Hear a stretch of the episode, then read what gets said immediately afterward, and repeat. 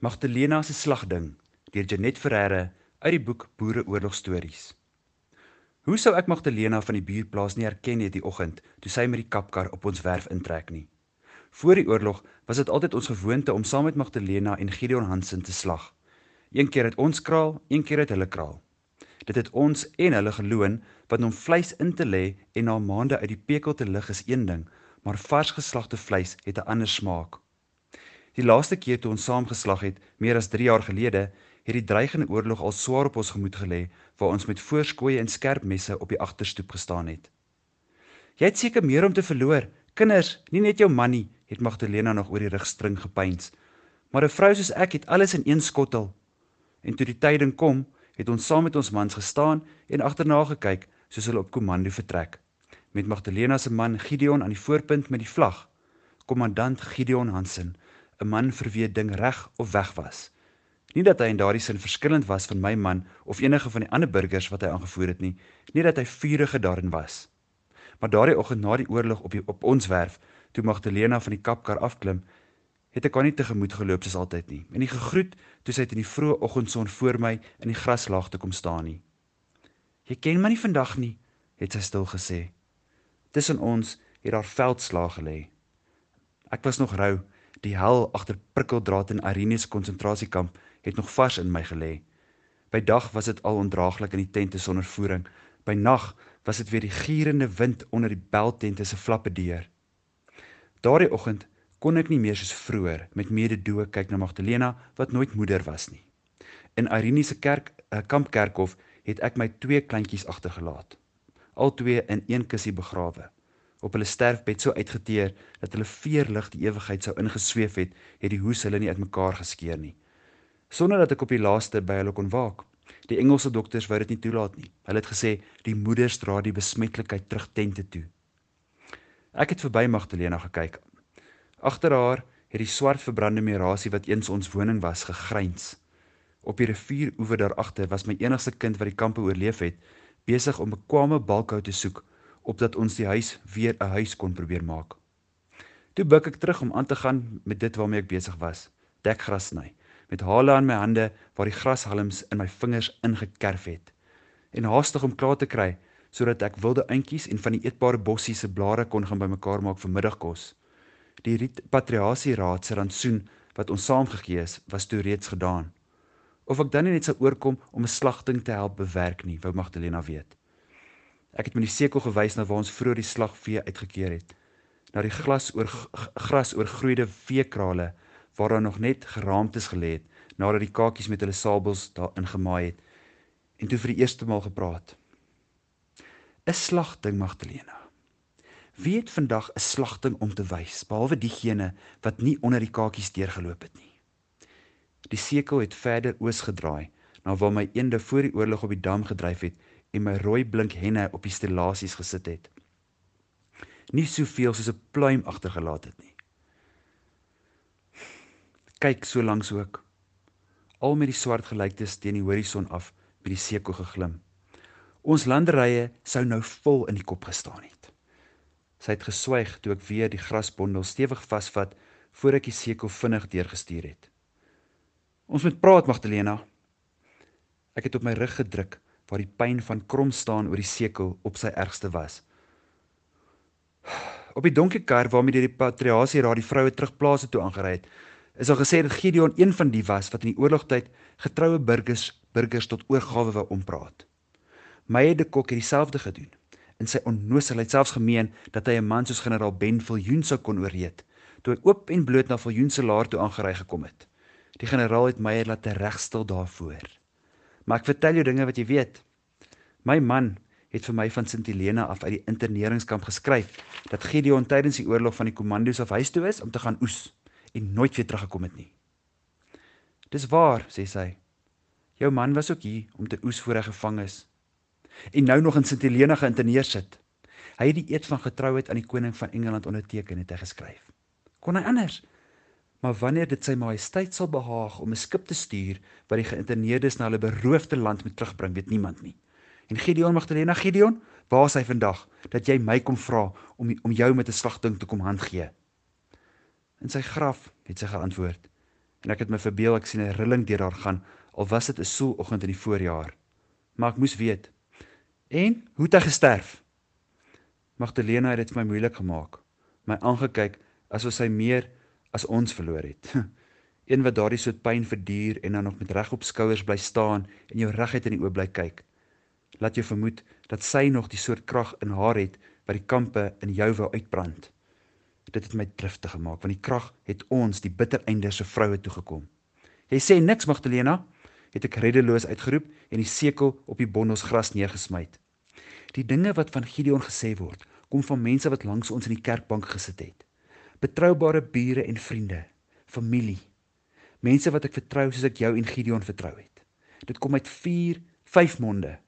sien ek hierding reg? Probeer hy nou dat Gideon self nie meer daar is om rekenskap te gee nie, sy verraad as gerugte en vergissings afmaak. Sy hand was nie op papier nie, het sy verweer. Die notisies wat onder die mense uitgegee is om te sê ons moet liewers oorgee, het nie Gideon se handtekening gedra nie. Dit was Meyer se. Daar's dinge wat harder praat as papier, Magdalena. Kyk agter jou. Daar op die rivieroever is my kind, vroeg wys van die ellende wat hy aanskou het. Sy jong rug is hard. Hy is aan die dakbalke kap. Daar, net 12 jaar oud. Maar in sy stem hoor ek reeds die donder weer van 'n man. Hy en my man sal van my vra hoekom ek my ophou met 'n vrou wat nie die smarte van die kampe saam met ons deurstaan het nie. Om vrede te praat as die res van jou volk hulle lewens op die slagveld en in die kampe offer, is verraad.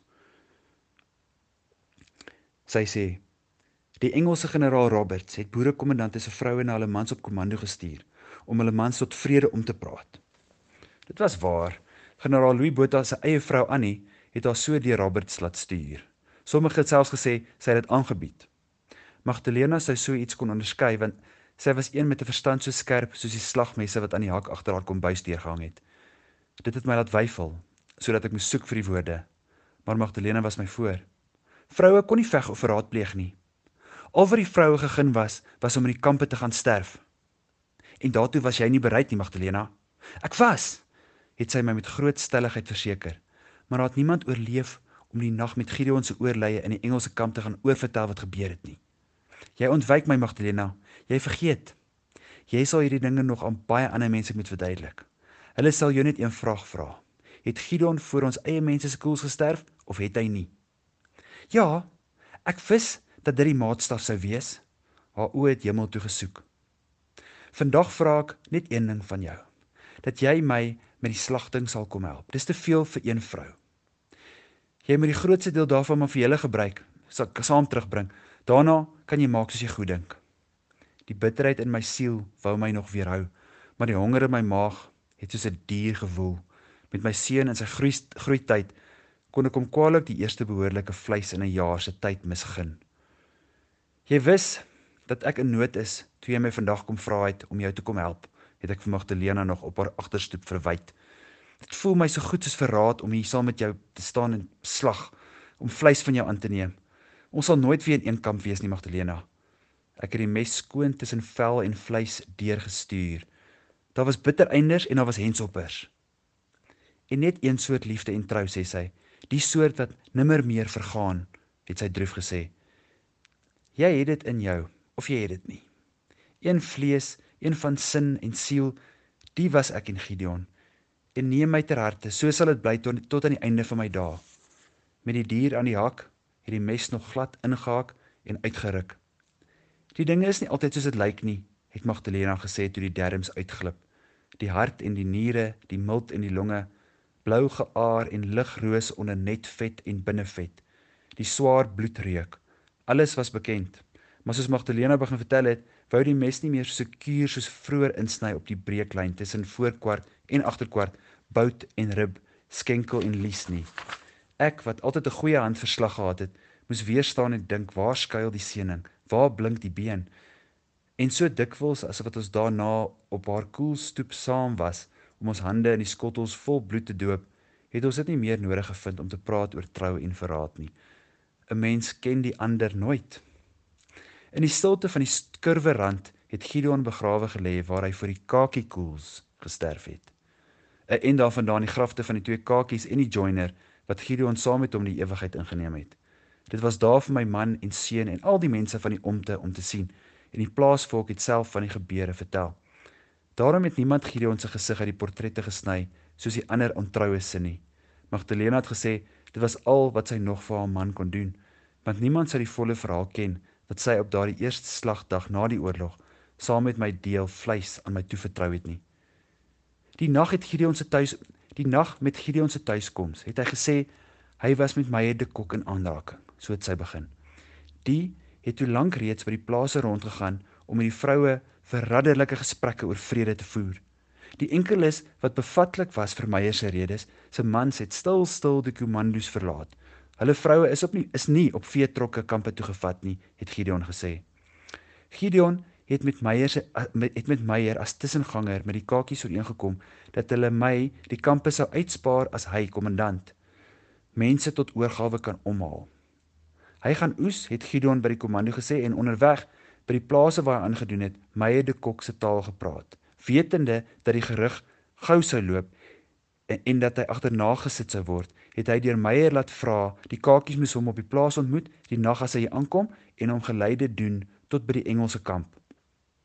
Meyer in sy oot in sy oormoed het vir Gideon laat weet dat gesprekke oor vrede nie dieselfde saak as hoogverraad was nie. Maar Gideon wis van beter, hoe sou hy nie? Die kakies moes hom kom haal, het Gideon vas bly staan. Toe is dit so gereël. Twee swaar gewapende kakies en 'n joiner om hulle die pad te wys, sou Gideon die nag op die plaas ontmoet. So gou hulle aankom, moes ek hulle na die skurwerrand toe beduie waar hy teen die boere skuil gegaan het solank hy vir die kakies en die joiner wag. Sy besluit was geneem, het Gideon gesê. Ek moes hom nie daarvan probeer ompraat nie. Ek het nie.